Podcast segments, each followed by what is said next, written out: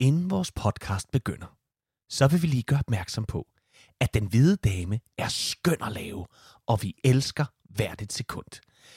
Men det tager lang tid med research, manuskriptskrivning, indspilning og redigering. Så nu kan du, hvis du har tid, råd og lyst, støtte Den Hvide Dame med et valgfrit beløb på MobilePay. Nummeret er 1693 31 1693 31. På forhånd tak, og tak fordi du lytter med.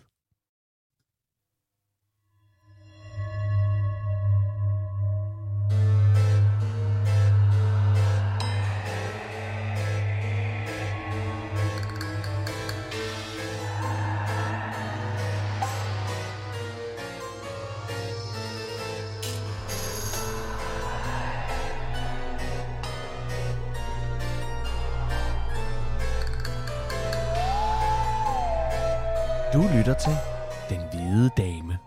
En podcast om alverdens herregårde og slotte, og ikke mindst om alle de spøgelser, der bor der.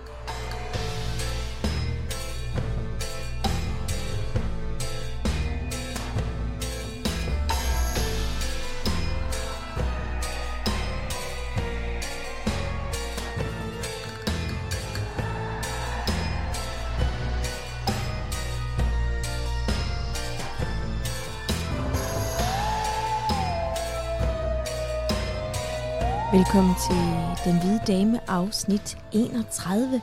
Hvis du er til hemmelige gange, vikingebyer og oldgamle biskopper, så garanterer jeg for, at der ikke pt. lige er andre podcasts, der behandler samme emne på én gang. Mit navn er Trine Gadeberg, og overfor mig sidder min kære medvært Kasper Lefebvre. Goddag. Goddag Kasper. Goddag, Trine. Vi er tilbage i Danmark. Vi er tilbage i Danmark. Vi kan næsten ikke huske, hvordan man taler dansk næsten efter, Efterhånden. efter, efter al den tid over i England. Ja. Ja. Ja, nu er vi tilbage. Nu er vi tilbage i vores egen lille andedam med velkendte navne, skal jeg hilse at sige. Var det Al- godt? Ja, det var det faktisk. Der var der sådan lidt, hvor man tænkte, nå ja, ja, ja, ja, ja, ja, rosenkranserne, jamen så er vi på igen. Ja. Så ved vi nok, hvad det er. Ja, Og kongerækken ja, ja, og lave brok, og jo, jo tak, ja, ja. Ja. Så, så, så var der da, jo, det var, øh, det var faktisk lidt, øh, det var faktisk lidt rart at komme tilbage igen, synes jeg. Ikke at jeg ikke har brudt mig om, hvor vi har været. Nej. Og øh, vi er jo ikke færdige med at besøge udlandet, har vi jo også aftalt. Så man ikke der dukker noget andet op på et tidspunkt. Det er jeg overbevist om. Det tror jeg også. Men, øhm, men det er dejligt, og øh, denne gang, der er vi jo i Smilets by. Vi er i Aarhus. Vi er i Aarhus, og vi har Ja. valgt at øh, tage os af Aarhus Domkirke. Ja. Et øh, sted, der på ingen mulig måde var på vores liste fra starten, eller i midten, eller noget, vi overhovedet havde overvejet. Vi har taget af klostre, men øh, Aarhus Domkirke var sådan lidt, ja, det ved du. Og lige pludselig så kom du ind en dag og sagde, prøv lige at se her. Og så begyndte du at læse op af de historier, du havde fundet. Øh, og så tænkte vi, vi skal da bare have historien om der Aarhus Domkirke. Mm. Fordi det, øh, det er et stykke spændende Danmarks historie, og det er også nogle spændende historier, der foregår rundt omkring dig. Ja, det er det. Hvordan var det for dig at komme hjem igen? Jamen, øh, jamen no, lidt nemmere, fordi der er jo selvfølgelig en sprogbarriere, ikke at jeg ikke kan læse engelsk op og sådan noget, men der er alligevel nogle ord, hvor man tænker, hvad fanden er det lige, det betyder? Ja. Hvor der er nogle, hvor, hvor det er nemmere på dansk, altså der kan man bare... Selvfølgelig. Ja, og man har, man har selvfølgelig sin bagage med. Men øhm, ja, jeg synes også, det er lidt interessant med Aarhus, fordi at øh, vi har jo faktisk en historie i Aarhus, du og jeg. Vi mødte hinanden, Vi lærte hinanden at kende Ja, i Aarhus. i Aarhus. Ja, så vi, er, vi har sådan et, øh, et, et lille link til Aarhus. Ja. det er rigtigt. Ja.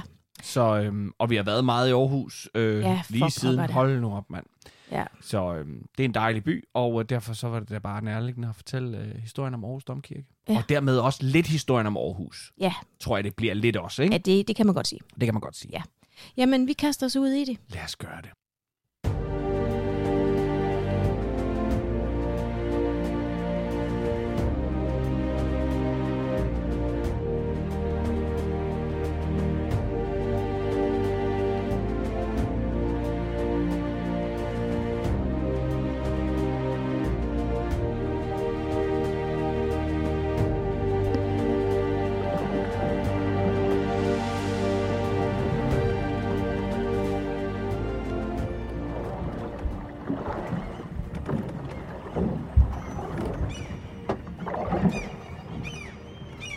Erik rejste sig op i stævnen af drageskibet og så ind mod land.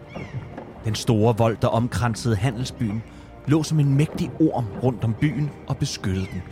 Klar til hug mod dem, som ønskede byen ondt, men også i stand til at løsne dens kvælende muskler og lade en handlende sejle ind i hjertet af buen for at sælge ud af dennes eksotiske varer. Erik og hans mænd havde valgt den direkte vej fra deres togt i Rhinlandet og frem til handelsbyen. Et mellemstop kunne betyde en plyndring af det, de selv med meget besvær havde plyndret fra andre. Erik så ned på sin søn Ulf, som lå og sov. Det havde været hans første togt, og han havde klaret sig godt, syntes Erik. Han havde selv deltaget i sit første togt, da han var 12 år, og derfor så var det naturligt, at Ulf også skulle deltage i sit første togt på hans 12. sommer. Han bad til, at nornerne havde spundet hans søn en gunstig livstråd, som vil bringe ham meget rigdom og heder, og i sidste ende give ham en plads ved højbordet i Odins haller i Valhalla. Erik puffede til sin søn med foden. Drengen gav et grønt fra sig, men sov videre. Erik opdaterede puffet til et mildt spark, og Ulf kom på benene med et forvirret blik i ansigtet. Øh, hvad sker der, far? Spurgte han og gned søvnen ud af øjnene, imens han skuttede sig i den kolde morgenluft. Vi er fremme, sagde Erik og pegede ind mod ormen, hvis skæld var begyndt at glinse i de spæde morgenstråler. Det er Aros, der ligger der. Ulf kiggede nysgerrigt ind mod byen. Hans første togt. Og nu hans første handel med de rigdomme, som de havde tiltvunget sig i Rimlandet. Hvis han kunne, så ville han give sin lille søster Sif et nyt hårspænde Måske er ben fra en val, eller måske er guld, hvis deres varer vil bringe dem nok rigdom til det. Midt i tankestrømmen faldt hans blik på toppen af et lille træspir, som man lige kunne ane på den anden side af volden ind til Aros. Symbolet på toppen af træspiret kendte han godt. Det var det, som hvide krist var blevet myrdet på. Korset. Men at en mægtig Gud ville lade sig myrde uden kamp, det kom Ulf aldrig nogensinde til at forstå. Han havde mødt mange kristne, særligt i Ringlandet, og selvom Odin, Tyr eller Thor til enhver tid ville kunne knuse hvide krist, så havde Ulf lært af sin far, at alle havde ret til deres guder, og hvis de guder kunne beskytte dem, som tilbad dem, ja, så var de værd at have respekt for. Skulle hans far og ham bytte, handle og sælge i den mægtige handelsby – Måske vil deres rigdom og Ulfs evne til at svinge et svær en dag nå selve Harald Blåtands ører. Igen smilede Ulf ved tanken. Er du klar, søn? spurgte hans far. Ulf nikkede. Gør klar til at ligge for svej, råbte Erik. Vi er nået til Aros. I det gamle Aarhus, som dengang hed Aros, har man helt tilbage til 900-tallet haft en kirke i byen. Den første gamle trækirke lå med al sandsynlighed, hvor, hvor Frue Kirke ligger i dag. Det ved vi, fordi overleveringer fortæller, at den blev brændt, da den norske kong Harald Harderode angreb Aarhus og resten af Jylland i 1050. Den selv samme Harderode, som 12 år senere endte sine dage i slaget ved Stamford Bridge i England i kampen om den engelske trone mod Wilhelm Erobron før denne red videre og grundlagde Tower of London, og således, kære lyttere, fik vi lige bygget bro til de foregående afsnit. Nej, det var lidt sejt. Ja, ikke? Ja. Men hvorom alting er, så er den første navngivende biskop i Aarhus en mand ved navn Regenbrandt. Han blev bispevidet i år 948 i Aarhus, eller Aros som det er hed på den tid, af den tyske biskop Adeldag af Hamburg-Bremen. Hvilelsen skete med fuld velsignelse og fuldmagt fra pave Agapetus den anden i Rom. Regenbrands bispevielse blev den første nordiske sammen med biskop Lufdag eller Leofdag til Ribe, som i øvrigt blev dræbt af hedninge, og biskop Hårød til Slesvig. Husk, at vi taler år 948, altså hele 20 år før, at Harald Blåtand officielt erklærer Danmark for et kristent land. Det vidner altså om en kirke, som allerede her har været mere end, al- end en almindelig gæst på fremmed jord.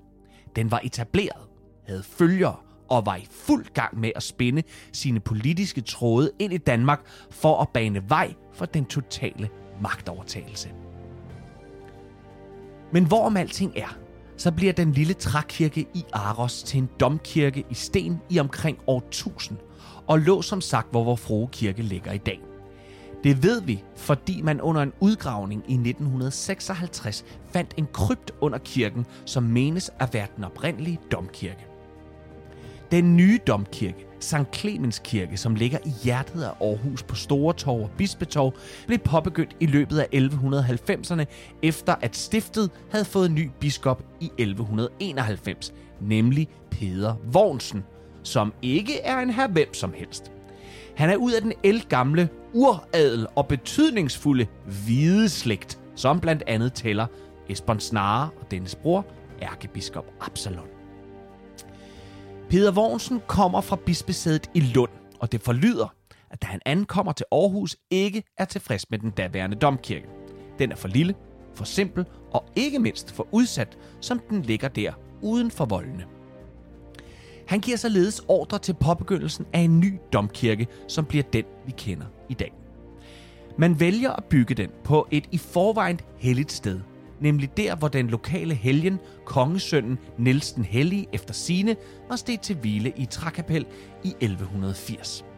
Den nye kirke blev udformet i en såkaldt træskibet romansk basilika, en korsarmskirke med hele to klokketårne mod vest, som dog aldrig blev bygget færdigt.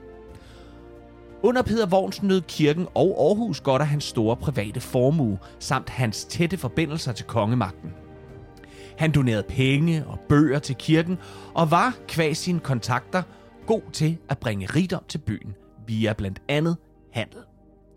Dog nåede Peter Vognsen ikke selv at se sin domkirke færdig. Ved sin død i 1204 blev han efterfulgt af broren Skjalm Vognsen, som havde tjent som kanik i Lund Kirke under Absalon. Stadig under sin bror blev han domprovst i Aarhus, men efterfulgte som sagt Peder som biskop efter dennes død. Skjalm førte, ligesom broren, en masse rigdom til kirken, og med støtte fra kong Valdemar Sejr og selveste paven i Rom, fik han tilført endnu flere midler til at lade kirkebyggeriet vokse. Men heller ikke han så Aarhus Domkirke færdig. Han blev begravet ved siden af Absalon i Sorø Domkirke i 1215. Faktisk så står Peder Vognsens domkirke først færdig i år 1300, og da den dengang lå ned til stranden, så blev den videt til søfarende skytshelgen Sankt Clemens. Selve Sankt Clemens blev ifølge legenden født i midten af det første århundrede og var med al sandsynlighed af jødisk afstamning – Grunden til den antagelse er, at man ud fra hans breve til korinterne kan læse, at han citerer det gamle testamente på en jødisk façon, hvad det så end skal betyde. Legenden fortæller, at han efter at have hørt apostlen Barnabas prædike, skulle have omvendt sig til kristendommen, hvorefter Barnabas introducerer ham for Simon Peter, som udpeger ham til hans efterfølger. I tidlige paveoptegnelser bliver han da også udpeget som værende den anden pave. Men i dag tror flere på, at han har været den fjerde, hvilket vel også er okay pænt oppe i hierarkiet. Det fortælles, hvordan St. Clemens endte sine dage i en arbejdslejrs marmorbrud på Krimhaløen, hvor han skulle være blevet bundet til et anker, kastet i havet og druknet, og deraf være blevet skytshelgen for søfolk. Men nu tilbage til det, som vi med sikkerhed ved. Vi ved nemlig, at ulykken rammer Aarhus Domkirke i 1330. En voldsom brand raserer bygningen og totalt smadrer tagkonstruktionen, som dog bliver opbygget igen. Og selvom der nu vil være rig mulighed for en større ombygning, så får kirken i det store hele lov til at stå, som den blev bygget tilbage i 1190'erne. Vi skal nemlig faktisk helt op til 1420, før man for alvor begynder at give kirken en helt ny stil og dermed også et helt nyt præg. Den nye byggestil er gotisk, og målet er en katedral. Man udvider med nye kapeller og fundamentet til et nyt tårn, men det er altså først, når vi når 1449, at der for alvor sker to store ting og sager. Og det sker med den nyudnævnte biskop Jens Iversen Lange. Biskop Lange var en mand, som der skulle blive meget delte meninger om. Alt afhængig af, om man var adelig, kongelig, gejstlig eller menig borger i Aarhus. Han delte vandene, og når man kigger på hans historie, så kan man også godt forstå, hvorfor. Jens Iversen Lange var ud af en gammel jysk adelslægt. Hans far var ridderen Iver Thomsen Lange, og det havde været hans værk, at sønnen skulle gå den gejstlige vej, ligesom Jens bror Jep Iversen, der var kanik og kantor i Ribe Domkirke. Her i 1400-tallet var der ikke en bedre måde at sikre sin rigdom og evige frelse på, end at have familie af kød og blod i kirkens tjeneste. Så det har med meget stor sandsynlighed været med det for øje for ridderen Iver Thomsen. Jens Lange får noget nær den bedste uddannelse, der kan købes for penge i udlandet ved blandt andet universiteterne i Rostock og ved Erfurt i Thüringen. Christian den Første fatter hurtigt sympati for den lærte Jens, og han bliver udpeget af kongen selv til at repræsentere Danmark ved kirkesamlingen i Basel. Og endnu i 1449 var han personligt sendebud for kongen, da han besøgte paven i Rom, som gav ham titel af kanik i Roskilde. Men det bliver ikke bispelenet i Roskilde, som Jens frekventerer, da han samme år kommer tilbage til Danmark. Nej. Biskoppen i Aarhus, Ulrik Stykke, er netop død. Og da Jens Lange allerede har titel af ærkedejen i Domkirken i Aarhus, så tiltræder han få måneder efter sin hjemkomst som Aarhus nye biskop. Men det gejstlige erhverv er ikke det eneste, som Jens Lange giver sig i kast med. Kvæg hans fine uddannelse og hans berejste person, så udfører han også en del diplomatisk arbejde for riget, blandt andet med Lybækkerne og Holstenerne, men også med den evige arvefjende Sverige i Halmstad, Rønneby og Kalmar. På national plan rager han sig uklart med rosenkranserne, da han over for Otte Nielsen Rosenkrans gør krav på embedet, den såkaldte kaldelsesret i Ottes nyopførte Maria Magdalene kirken på Randersegnen. Balladen de to mænd imellem blev så stor, at biskoppen bandlyste og udviste Otte Rosenkrantz af hans egen kirke. Men som den trofaste lytter måske kan huske, så var Otte Rosenkrantz søn, den mægtige rigshofmester Erik Rosenkrantz, som havde kongens øre i en noget større grad end biskoppen i Aarhus. Og med sagen bragt for det kongelige retterting, så blev der dømt til Rosenkransernes fordel, og Jens Lange måtte oven i købet også hoste op med en personlig undskyldning. Dog må man give biskop Lange, at da det kom til striden Rosenkranserne og Lave Brok imellem, så stillede Lange sig på Rosenkransernes side. Hvis man vil høre mere om den fejde, så kan man med fordel gå tilbage og genhøre afsnittet om Gammel Estrup. Jens Lange var ikke vældigt af borgerne i Aarhus.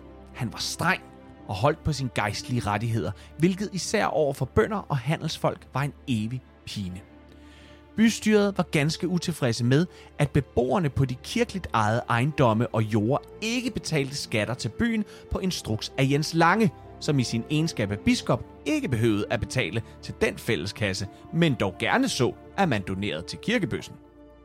Og også kongen fik han problemer med, da han lod en fribytter, som var faldet i unåde hos kongen, sejle ud af Aarhus. Dette blev straffet meget snedigt, da kongen forbød biskoppen at modtage penge fra Aarhus byskattekasse, som han jo flittigt ikke selv donerede til. Så det var ret smart. Så løste kongen faktisk et, et, et, et, øhm, et politisk problem her. Fordi ret beset, ja, så behøvede Jens Lange ikke at donere til, til bystyret i Aarhus. Han var jo kirken, og man, det var jo det vigtigste. Men det var ret fin kutume at gøre det, fordi at byen voksede, det gjorde jo også gode ting for ham, og han ejede jo en masse landejendomme. Så kongen gør det snedigt på den her måde, at han er rasende over, at han giver den her fribytter, altså det er sådan en art sørøver, kan man vel sige, ikke? frit lejde til at sejle ud af Aarhus. Og så siger han så, så, så straffer vi dig på den her måde og siger, du, du skal altså, du skal, øh, du, eller du skal, du modtager ikke penge fra Aarhus bystyr. Nu må du klare dig selv. Så det var straffen. Så det var ret smart, synes jeg egentlig. Snedigt gjort. Men det er altså Jens Lange, der i store træk er bygherren til den kirke, vi kender i Aarhus bybillede i dag. Og flere steder i kirken kan man se Jens Langes våbenskjold, bestående af tre røde roser, prydet kirkerummet. Over de næste mange hundrede år ændrer den gamle kirke udseende nogle gange. Dog aldrig helt vildt. Og så dog. Der sker nemlig en pussy ting i 1700-tallet, som jeg vil vende tilbage til lige om lidt. For inde i kirken, der må vi altså lige dvæle ved et par fantastiske klenodier, som stadig kan nydes den dag i dag. Altertavlen er den største af sine art i Danmark og blev lavet af den tyske kunstmaler og billedhugger Bernd Notke i Lübeck og blev indviet i kirken i 1479 af biskop Jens Lange.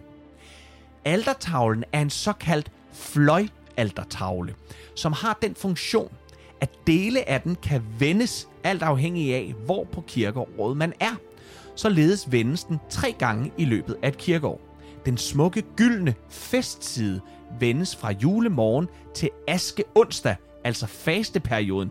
Det er dog en periode, der mest er brugt af katolikker, men man har bevaret den her tradition øh, fra kirkens katolske æra i dag også. Og så fra fastesiden til øh, altså fastsiden aske onsdag til påske morgen, hvor festsiden igen bliver vist ind til første søndag i advent, hvor adventssiden er synlig. Det slog mig lige, fordi jeg var inde og læse om det, og jeg har aldrig hørt om en fløjaltertavle. Nej. Altså, så var jeg inde og læse om det, og det er egentlig sådan en, med lidt moderne ord kan man sige, det er en altertavle med lidt sjove features. Der kan være, øhm, du kan åbne og lukke den, og i det her tilfælde vende den.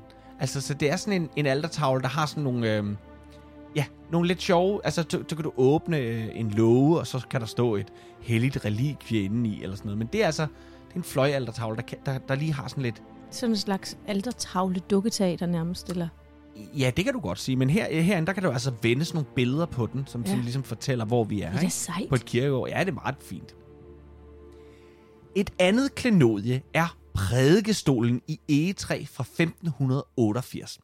Den er fremstillet af den hollandske sneker Mikkel van Groning, som var bosat i Hornslet, hvor det meste af hans tid gik med at arbejde for, igen, rosenkranserne på Rosenholm Slot, som vi jo også har haft under kyndig behandling her i Den Hvide Dame. Og det kan man jo også gå tilbage og høre lidt om. Rosenholm Slot, det er jo, igen skal vi lige huske at sige, det er jo det slot, vi nok mange kender fra Jul på slottet. Ja. Smukke, smukke slot, der ligger derude i, øh, i, øh, i voldgraven. Og, øh, jamen, altså, det er et rigtig lille Prinsesseslot. Ja, det altså. er virkelig så fint, så fint, så fint. Så øh, når det nu, nu, det kan man jo også tage forbi og se på et tidspunkt, når man nu også skal besøge øh, Aarhus. Aarhus Domkirke. Prædikestolen er ægte renaissancekunst og er overdådigt udsmykket med reliefer, der afbilder episoder fra både det gamle og nye testamente med alt fra syndefaldet til dommedag. Og så var der lige den der pussy udsmykning, som jeg talte om før. Det er nemlig sådan, at den tyskfødte arkitekt Nikolaus Heinrich Reimann, som var en af de store barokarkitekter i det jyske, på et tidspunkt i midten af 1700-tallet udskiftede Aarhus Domkirke spir med såkaldte løgkubler. Løgkubler er jo nok dem, vi bedst kender fra øh, Vasiljekatedralen på den Røde Plads i Moskva. Den med alle farverne. Løgkubler. Løgkubler hedder det, ja, fordi det ligner løg. Ja, ja, det er jeg med på. Men, men det har set... Han, øh, men Ja, det, jeg ved, jeg gad så godt at have ja. set det. Jeg tror ikke, jeg ved ikke, om den har været med farver og sådan noget.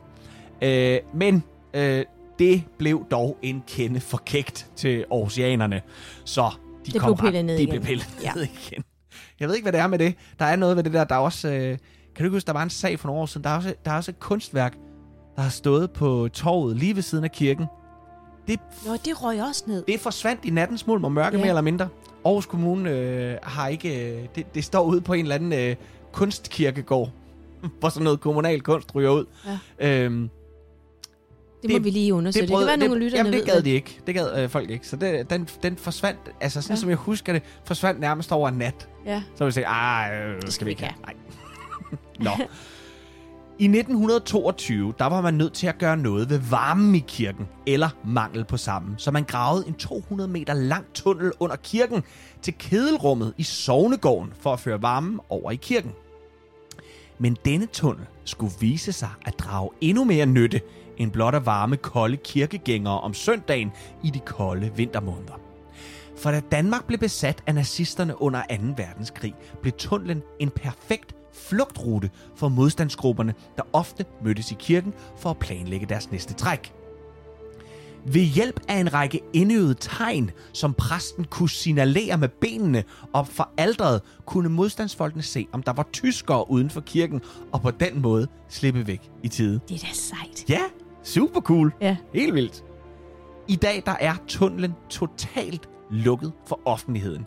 Og ifølge kirkeværgen i Domkirken Søren Bo Jensen, så er tunnelen kun en lille del af de mange hemmeligheder, som kirken byder på, men som offentligheden aldrig nogensinde vil få at se eller få kendskab til. Så hvis ikke den udtalelse giver grobund for spekulationer og nysgerrighed, så ved jeg ikke, hvad jeg personligt vil i hvert fald gå og banke lidt på væggene, næste gang jeg besøger den smukke gamle domkirke i hjertet af Aarhus. Men i kirken og i området omkring den aldrende koloss, der kan der ske det, at man støder på andet end guitarspillende oceanere og enkelte havmåger, der spiser resterne af en ristet med det hele fra børnenes kontor. Man kan nemlig være så heldig eller uheldig at støde på de mere uforklarlige personager i Smilets by. Vi skal nu høre om spøgelserne i og omkring Aarhus Domkirke.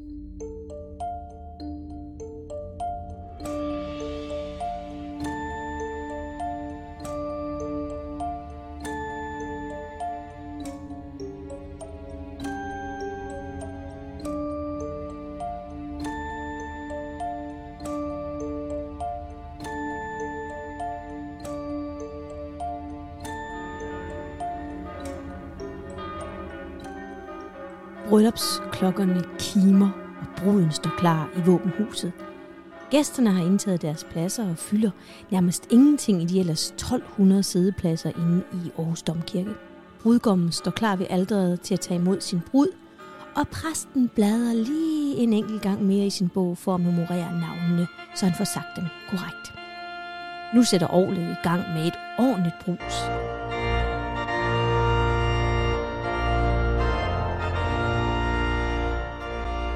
Men det er også Danmarks største ovl, med ovldele dateret helt tilbage til 1644. Altså fra en tid, hvor der ingen strøm var, og hvor der var ansat bæltrædere til at få luften ud igennem alle ovlpiberne. Sejt. Og så havde disse bæltrædere også den sidegeschæft, at de skulle slå kirkegængerne med stokke, hvis der var nogen, der sad og sov under præstens tale. Nå, men tilbage til vores nutidsbrud, som jo ikke kan vente længere på, at jeg gør min historie færdig. Så nu går døren op til nok en af de største begivenheder i dit liv. Dit bryllup. Sikke en festdag. Bruden bevæger sig op ad den 93 meter lange kirkegang, så det bliver en længere gåtur. Hun opdager ikke der, hvor hun er cirka halvvejs på kirkegulvet på vej op til sin brudgom, at der vandrer en ung pige i hvidt gennemsigtigt tøj med hænderne foldet sammen om en salmebog. Den her hvide, gennemsigtige pige, kan man sige, hun sukker og klager, og man fornemmer tydeligt, at hun er ked af det, altså at hun er trist. Denne pige er der op til flere vagter i domkirken, der har hørt og set. Men vores brud ændrer det altså ikke. Hun har jo også nok at være koncentreret om. Det hvide spøgelse er historien om den unge pige, der bliver skudt i kirkedøren af en flintbøsse. Hun var på vej i kirke, og lige der i kirkedøren, lige der hvor hun åbner døren, møder hun sin unge elskers flintbøsse. Han sigter og rammer, og hun dør på stedet. Siden har hun siddet fast i domkirken, og hun vandrer altså sukkende og hvileløst rundt. Er det ikke lidt trist? Det og, man, og man ved heller ikke, hvorfor at øh, han bare... Han skød hende? Nej, Nej. det gjorde han. Vores brud nærmer sig de trin, hun skal tage i kirken, lige de sidste trin for at komme op til sin kommende mand. Men lige der, for fodenden af trappetrinene, står en anden ung kvinde og tripper. Sådan lidt nervøst tripper hun, for hun holder øje med, hvor bruden sætter sine fødder. For af skade bliver man klog. For den her pige, der står op og tripper, hun snublede nemlig selv ved disse trin, da hun skulle giftes, altså i fordomstid, mens hun levede. Men der er også andre kærlighedsskæbner i Aarhus Domkirkes store event gennem tiden bog. For i 1626 var Morten Madsen biskop i domkirken. Han havde en datter. Hun hed Helene. Hun skulle giftes med en af præsterne fra domkirken. En præst, som vist nok i øvrigt havde en affære med Morten Massens hustru. Ups. Altså den før omtalte biskops hustru. Der var beretninger om, at folk havde set dem kisse misse i bispehaven, og man fandt et barnelig i jorden, svøbt med et klæde omkring sig med fruens initialer på. Hvad der var endnu mere markabelt var, at det var et svin, der fandt det her lille barnelig, for det gik og rodede og gravede rundt i jorden og støtte på det. Den intet anede biskop blev uvenner med domkirkens klokker og valgte altså at fyre klokkeren. Det var klokkeren temmelig oprevet over, så han besluttede sig for at hævne sig. Han vil afsløre affæren for biskoppen og dermed bringe skam ned over biskoppens familie. Så klokkeren kravler helt op til kirkeloftet. Og her skal jeg lige indskyde, Kasper, at det er højt oppe, fordi kirketårnet er ligesom kirkegulvet 93 meter langt, og dermed er det også Danmarks højeste kirketårn. Så Danmarks længste og Danmarks højeste. Er det ikke det længste, men det er det højeste. Det er det højeste, okay. Ja. Jeg ved ikke, om han når helt derop, men han er meget, meget, meget højt op. Han ligger kravle op på nogle spær, sådan helt op ved loftet. For derop, der sidder der et lille vindue, og der kan man holde øje med, hvad der foregår i Bispehaven. Hmm. Han vender tilbage flere gange for at fange de elskende på færdsgærning. Altså han fanger dem ikke første gang, anden gang og tredje gang. Men endelig en dag er der bid på lurekrogen. Han læner sig ud af vinduet for at få det hele med. Men det skulle han ikke have gjort. Hmm. For det resulterer i, at han falder ned. Og det blev det sidste, vi hørte til klokkeren. Han døde på stedet. Shit. Under kirkens katolske tid hørte kirkegængere en kraftig røst fra en af velvingerne. Judas vær evigt forbandet, blev der sagt, til stor forskrækkelse for dem alle. Og selv samme velving har åbenbart en voldsom energi og blev fatalt for tre unge drenge, der hver gang præsten skulle prædike, sne sig om bag ved alderet for at spille kort. Det blev skæbensvanger, for en dag ryger der en mursten ud af den her velvinge og slår alle tre ihjel. Den her mursten, den finder man i dag på en bjælke bag alderet, og hvis det sker, at man fjerner den, så finder den selv vej igen, altså hjem igen, op Nå, på bjælken. Nå. Ja. Nej, hvor skægt. Så den kan man se? Ja. Hvis man har adgang til bagom, bagom alderet? Ja. Nej, det sjovt. Kirken har også et gemmested for et hemmeligt dokument. Et dokument, der efter sine er en lang liste på alle de skatter, der forliste øh, ved Skagens kyst på et hollandsk skib i 1720. Et skib, der var på vej til den russiske zar med værdifulde ting og sager. Dette dokument befinder sig inde i et kirkeskib, som hænger i loftet på Aarhus Domkirke. Et kirkeskib, der er næsten 3 meter langt. Et kirkeskib, som var blevet bestilt af den russiske zar. Det vil sige, at han bestilte en hel del krigsskibe, og så valgte man at lave en model til ham i stedet for at, at, at sende en tegning. Og denne model skulle også fragtes til ham. Med ombord på det skib, som fragtede det her lille kirkeskib, var der også en masse andre værdifulde genstande, men skibet gik på grund ved Skagens kyster.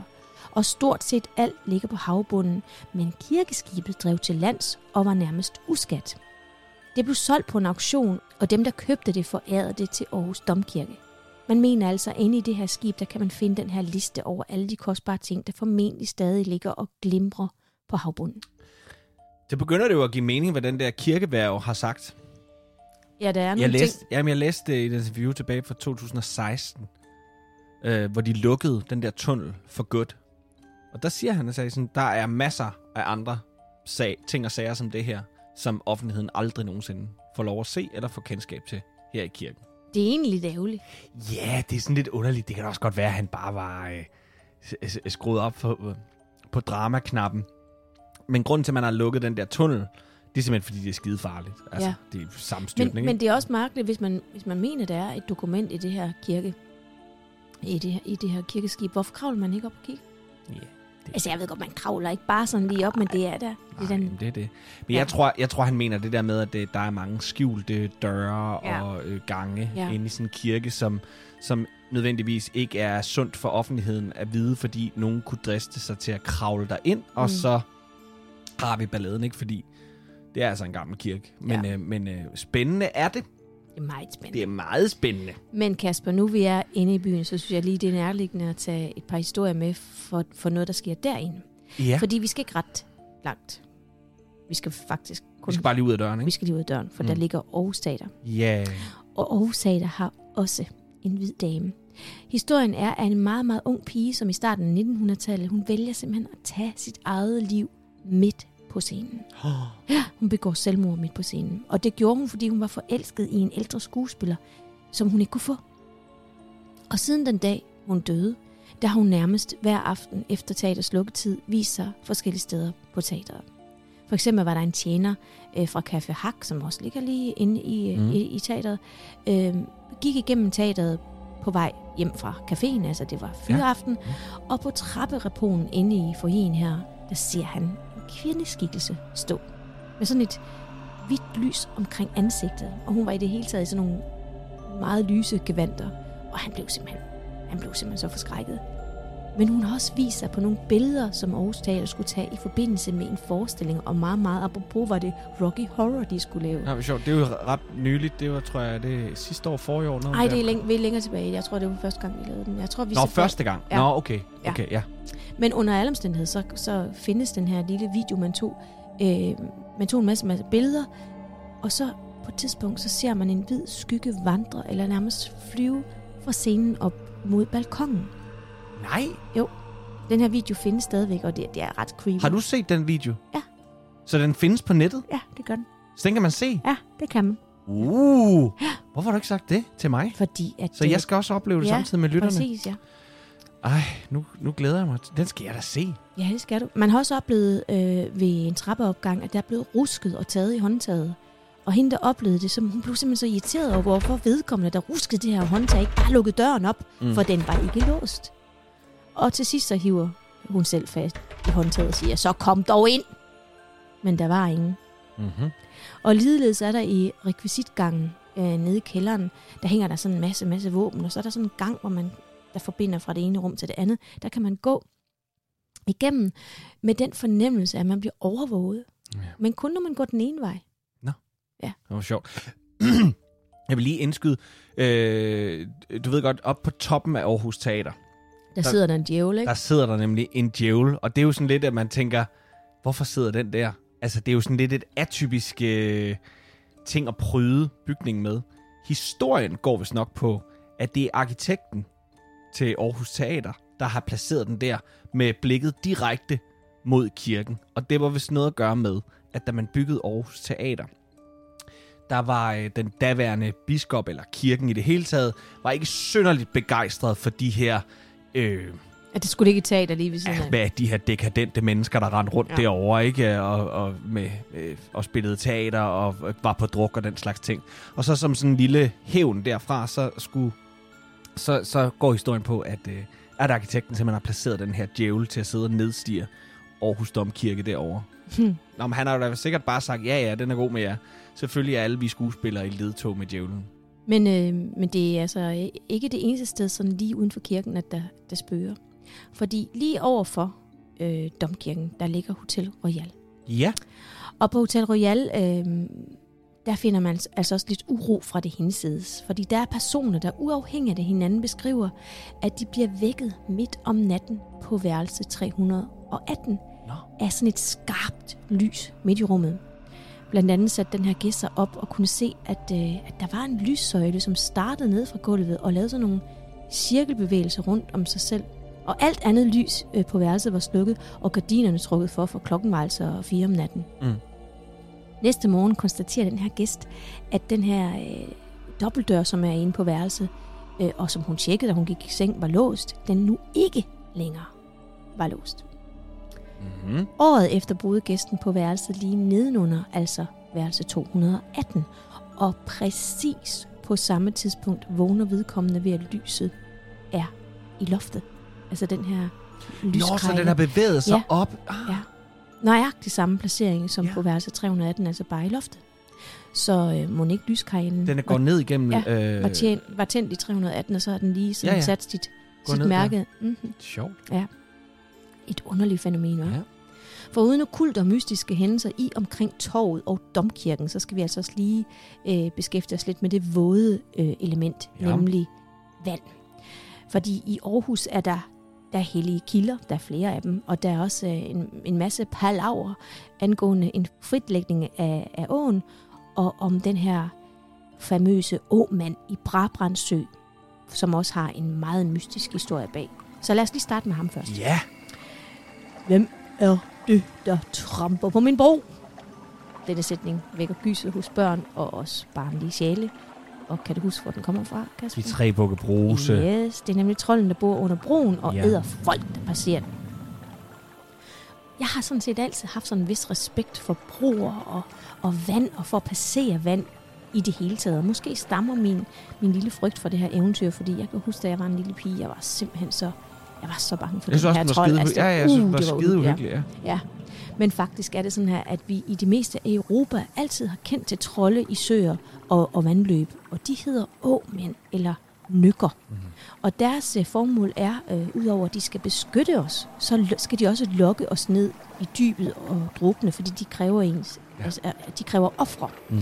Og hvis ikke der var nogen, der offrede sig for åmanden, så lod han vandet stige til stor ødelæggelse for, for de omkringværende folk, der boede lige omkring øh, Ja. åen og vandløbene. Altså, deres marker blev oversvømmet. og Ja, noget, ja, og, og, og huse og Ja, ja, ja. jeg ved ikke hvad.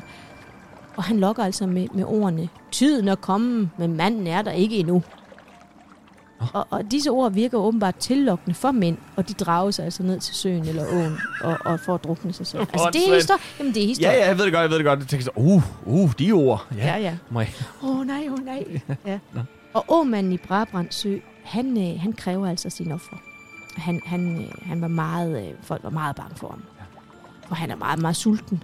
Og da Aarhus i 1989 beslutter sig for at fritlægge Aarhus Å igennem byen, Ja. der skal jeg lige sige, at åen blev tildækket i 1920'erne. Og det gjorde den dels fordi det stank, det, ja. det her beskidte vand, Øh, men det kunne også lette den her tunge trafik igennem byen. Man kunne simpelthen få, få flere lastbiler ind igennem byen. Jamen, det trænger den også til. Ja. Det gør den stadigvæk. Lad os da endelig få flere lastbiler igen. Men altså i 1989, der besluttede man så for, at, at nu skulle åen altså fritlægges igen. Og Ja. det var der altså mange, mange klaverjante, der, der havde en mening om. De frygtede, at det ville give grobund for de her underjordiske væsener herunder åmanden fra Brabrand. At han ligesom ville få fornyet energi. Ja, tak. Men mod de her øh, menneskebetalinger, som åmanden krævede, der beskyttede han altså også byens borgere. For eksempel så øh, er der en historie, øh, der fortæller om, at i 1658 havde svenskerne erobret Aarhus, og de havde hængt præsten fra Brabrand op i skægget. Det skulle de simpelthen bare aldrig nogensinde have gjort, for da de ville sejle tværs over søen, kendrede båden, og de druknede. Alle mand. Og en lang tid efter, faktisk helt op i nyere tid, Yes. har man fundet svenske svær, svenske hjelme i søen. Så der er jo altså noget om snakken. Jeg kendte ikke historien om, at det var åmanden, der havde træ- trukket dem ned, men øhm, jeg har faktisk læst om det, at amat- amatørarkeologer øh, er øh, meget glade for Brabrandsø. Ja. Fordi øh, der netop øh, er, er fundet altså, ret mange ting der. Ja. Så ja, spændende. Man har offret mange ting til Brabrandsø. Der ligger mange cykler dernede. Og, og, ja, men det, ja. Ja. Men Aarhus er altså ikke kun kendetegnet ved at være smilets by, fordi i gamle dage, der blev man sendt til Aarhus som en straf. Og således gik det for Jørgen Fogh, der i 1676 var borgmester i København. Men han blev dømt for at tage imod bestikkelse fra sin svoger. Så straffen for ham, det var altså at få, tår, øh, få skåret to fingre af og hænge i halsjernet i et kvarter til offentlig beskuelse. Og så ellers lastes på en vogn og smidt af i Aarhus. Hjemme til Aarhus. Uh. Fordi Aarhus havde ry for at være temmelig hårde ved deres borgere, og således berettes der om, at der i 1588 blev smidt 88 kvinder og 41 mænd ud af byporten. Farvel og tak for jer. Øh, og det gjorde de enten fordi de var liderlige, eller også fordi de ikke kunne fremvise et pas. Et coronapas. Det, jeg, Bare et pas. jeg vil sige, det forlyder jo, at det vil ske igen her meget snart. At folk ryger ud af Aarhus, hvis ikke de kan fremvise et et coronapas. coronapas. Tænk, at det har været en straf at blive sendt til Aarhus. Ja. Jeg kan komme i tanke om mange andre byer, som skal forblive unavngivende. Der kunne være en straf at blive sendt til, men der er ikke Aarhus. Ej, Aarhus Nå. det er så dejligt. by. Ja, det er Men nu er vi jo også øh, virkelig langt tilbage i tiden. Ja, selvfølgelig. Men Aarhus har jo også deres helt egen skytsengel. Du var inde på ham, Ja. øh, Kasper. Helene Niels. Yes. Han blev født i midten af 1100-tallet. Og han er formentlig uægte søn til kong Knud. Det var i hvert fald kongen, der sørgede for, at Niels kom i pleje hos bedstemoren, fordi Nielses egen mor dør i barselssengen. Fortællingen siger, at kong Knud får at vide, at der skal fødes en dreng, en dreng med store evner, altså guddommelige evner.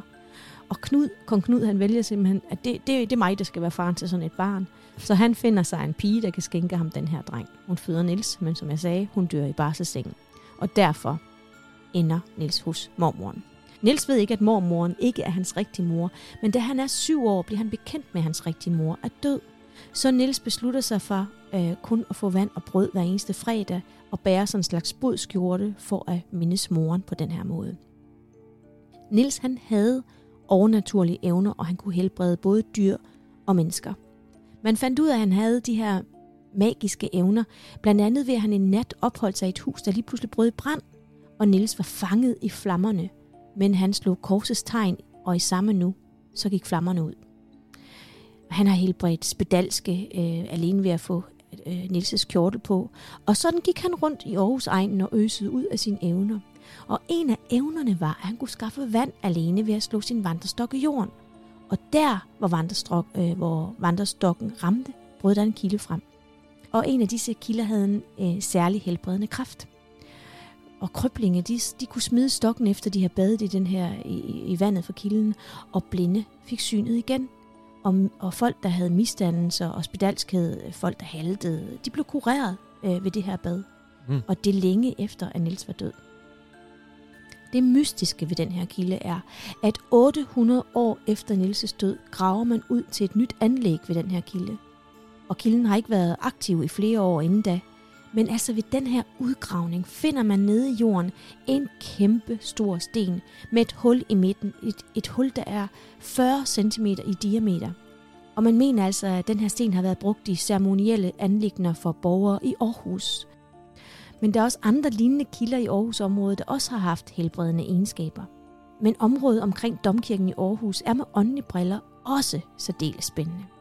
Fordi Kasper, nu skal du lige følge med ind på Torps Bodega, som ligger i en gammel munkekælder. Der har jeg været. Den er lukket i dag. Ja, men du skal lige med ind i, altså følg Ja. med, så du ved, Ja, okay, selvfølgelig. nu her. I min tankegang. Ja. Man mener, at den, er, den her munkekælder, at man, man ved, den er bygget i 1300-tallet af cisterciensermunkene. Cisterciensermunken, det er svært at sige. Jamen, det var det, vi har, vi har snakket om det ja, vi tidligere. har haft dem Du skal før. bare sige det, som om du er fuld. Cisterciensermunken. Cisterciensermunkene. Ja. Så er den der. Og, i alt det, og, og det skulle efter sine være deres øh, spisesal, den her bodega. Ja. Og tjener og bartender har fortalt, at man indimellem har hørt øh, skramlen med stole og borer, og, og selvom der ikke har været nogen, og man kan høre munkesang, og de fornemmer ud af øjenkrogen, at der er nogen, men når de kigger op, så er der ingen. Der er så gar en, der fortæller, at hun en dag stod i køkkenet og forberedte maden til, at bodegaen skulle åbne nogle timer efter, og lige pludselig så hører hun fodtrin. Hun kunne simpelthen høre, der kom en gående, og hun blev altså sådan lidt forskrækket, for hvem kom ind til hende nu? Mm. Øhm, men det var ham formentlig, som de kalder den hovedløse munk, for der var nemlig ikke nogen. Men der var de her meget, meget kraftige fodtrin. Øhm, så forestil dig nu, Kasper, at du står i baren, nyder din fadøl, du Åh. nyder samværet med kollegaerne. Åh, det gad jeg godt. Ja, det er fyreaften, og øh, I havde lige besluttet jer lige at droppe forbi bodegaen til en fredagsøl. Og der er en utrolig hyggelig stemning, og alene tanken om de gamle munkens gøren og laden i middelalderen piger, i hvert fald din fornemmelse, Kasper, for Ja. historiens vingesus. De gamle velvinger og stengulvet og den viden, at du er under jorden, giver sådan en perfekt stemning fredag aften, hvor skumringens lys indtager Aarhus udenfor. Men du står altså ved baren og skal til at tage endnu en sluk øl, og så mærker du, at der er nogen, der presser sig på bagfra, og du rykker dig derfor gøre plads til endnu en bargæst. Men så mærker du det endnu kraftigere, og du vender dig nu om for at berolige den gæst, der åbenbart er ved at tage din plads. Men der er ingen. Eller også er der. For det kan jo være et gammelt munkespøgelse, der ikke bryder sig om, der ikke bryder sig om, at du får en lille tår i barn. Hvem ved? For der er virkelig, virkelig mange, der fortæller om det her skub bagfra, at man ligesom rykker sig i barn, ligesom en usynlig energi, der ligesom vil ind og, og tage din plads. Ja. Foran Torps kælder var der i tidernes morgen fangehul og henrettelsesplads. Og den benyttede man altså flittigt i Aarhus. Der blev henrettet flest på markedsdage, for mange brugte det som optrin og underholdning. Altså det der med at blive Ja. hængt og halshugget. Det var et særdeles flugtsikret fangehul, for man skulle bruge en stige til først at kravle op, hive stigen med sig op for at kravle ned igen på den anden side, Mm. ned under jorden.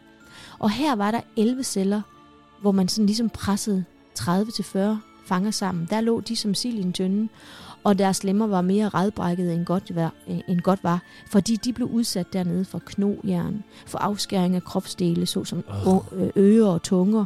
Øh, Der blev brugt halsjern, og nogle af dem fik lov til at få en tur i den spanske kappe. Føj. Kappe og kappe er nu så meget sagt, fordi det var sådan en tønde med huller til arme og ben. Og så fik de lov til at blive trukket igennem byens gader til skræk og advarsel for byens borgere. Så man kan godt forstå, at, at for dem var, var, var døden faktisk ofte en kærkommen lindring. Ja, ja. Rasmus Hesteskære blev den sidste fange i fangehullet. Hans hoved blev hugget af på en af byens torvedage, hovedet sat på en jernspyd, og resten af kroppen blev kylet til en bunke. Der kunne man så frit tage afskårende lemmer, en splint stykke klæde, hvad man nu havde lyst til at få af Rasmus Hestekæres øh, rester. Fordi det blev brugt som amuletter og var i høj kurs for netop på den måde at være beskyttet mod samme grusomme skæbne. Rasmus Hesteskære fik denne halshugningsdom for at have slået sin svigerfar ihjel, og når jeg også for at have tre børn uden for ægteskabet. Og det mangler bare. Jeg kan godt forstå det med svigerfaren, det gør man ikke. Men tre børn uden for ægteskabet. Men Kasper, Mm. den sidste historie, jeg vil fortælle for dig, den ligger sådan lige lidt uden for Bispetorvet. Men i gamle dage, der var Bispetorvet, voldene der var ligesom indgangen til byen, kan Ja. man sige. Mm. Så hvis vi var Og det lå ned til vandet, faktisk, Ja, dengang. det Der var stranden helt derop Jamen, til. det må have været smukt. Men vi skal en tur til en ny munkegade. For i 1930'erne oplevede en ejendom nærmest det, vi kan beskrive som en poltergeist.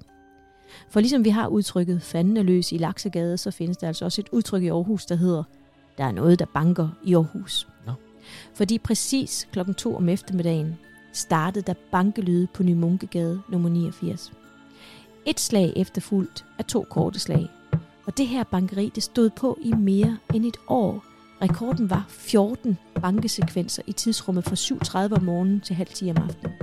Og folk var altså skræmte fra videre sans. Og kvinderne turde ikke opholde sig i ejendommen, før mændene fik fri fra arbejde. Det mystiske var, at man kunne høre de her bankelyde på alle døre i opgangen. Alle døre var, var den der bankelyd. Det var da vanvittigt, ikke? Ja, Fuldstændig vildt. Jeg skulle lige til at sige, Nærmest, ikke? Ja. Prøv at gøre det selv. ja, Prøv at forestille dig, at det kom 14 gange.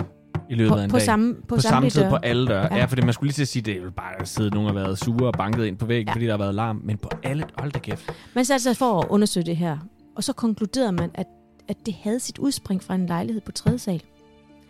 Og en kvinde påstod, at hun havde stået ansigt til ansigt med, med det her uforklarlige øh, væsen, og var rystet i sin grundvold. Så rystede hun. Hun ville simpelthen ikke ud med, hvad det var, hun havde set. Men hun øh, anbragte efterfølgende et stort kors i sin, i sin lejlighed. Og ved alle de her undersøgelser, man gjorde, der kunne man, selvom man prøvede efter dine bankelydene, så kunne man kun til sidst konkludere, at de var ikke menneskeskabte. Men altså efter et år øh, med de her bankelyde, der holdt de op. Og det, altså, det her sted var efterhånden også temmelig overrendt af nysgerrige folk, der gerne ville høre bankelydene. I gamle dage, der hed Ny Munkegade Galjebakkevej, fordi galgen lå for enden af vejen. En vej, man ikke har lyst til at gå aftentur på. Man kunne møde rakkere, bødler og længere ned ad den jordede vej hang røvere og tyveknægte i galger eller på hjul og stejle. Så måske var de her bankelyde fra det hensides og en, øh, en lille hilsen om alle de grusomheder, der er fundet sted på Ny Munkegade. I dag ligger universitetet lige der, hvor Galjebakken lå. Så nu har vi oplysningen der på, på Aarhus Vest, måske mest skumle plads. Nej. Kasper, det var The Stories. Gode historier. Ja. Hold da op. Ja. Der er... Øh, Ja, jeg kan godt sige at jeg, jeg har ikke det halve med. Er det altså- rigtigt? Der er så mange flere historier om Aarhus, så Så vi kan Ja. ja. vende tilbage til Aarhus på et senere tidspunkt det kan måske endda. ja, det kan vi. Det er i hvert fald øh, det er, en, det er en dejlig by, og den er god at gå på opdagelse i. Øhm, så det, øh, det, det skal man da bare. Øhm, det var godt at være tilbage igen. Jamen altså, Var det ikke godt? jo, Det var så hyggeligt. og så i Aarhus. Og så i Aarhus. Men øh, husk, at når det hele åbner igen, så synes jeg faktisk, at øh, det, er, det er virkelig værd at komme ind og besøge Aarhus Domkirke. Ja. Udover de her øh, almene kirkelige handlinger, så byder de jo også på rundvisninger, koncerter, foredrag og meget, meget mere, som man kan læse sig til på aarhusdomkirke.dk. Og det skal man bare gøre. Det skal man gøre. Og vi kan jo høre på det hele, det snart åbner. Så, så det, lad det være en opfordring herfra. Gå på opdagelse i, øh, i Aarhus. Det er en spændende by. Ja. Ikke? Hov, vi skal da også lige indskyde, Kasper, at det er, vi har faktisk vores fødselsdag næsten. Altså, det er gået lige lidt over tiden nu, men vi... Det er et, ja, år, vi havde, siden, vi havde, ja, det er et år siden, at vi startede. vi skrev det på vores øh, Facebook-væg, ja. og tak for alle de søde fødselsdagshilsner. Det var helt sindssygt, da jeg så det. Jeg fik sådan en minde om, at øh, på Facebook, om at, øh, at det var et år siden. Jeg tænkte, nej, nej, nej, nej, stop. Mm. Synes vi lige er begyndt. Ja, men det er vi altså ikke. Nej, Nej. det er et år gammelt. Så tillykke med fødselsdagen. Tillykke med fødselsdagen. Tak for det. Vi ønsker os... Hvad ønsker jeg? Nej. det er dejligt. Det er skønt, og tak for alle hilsnerne.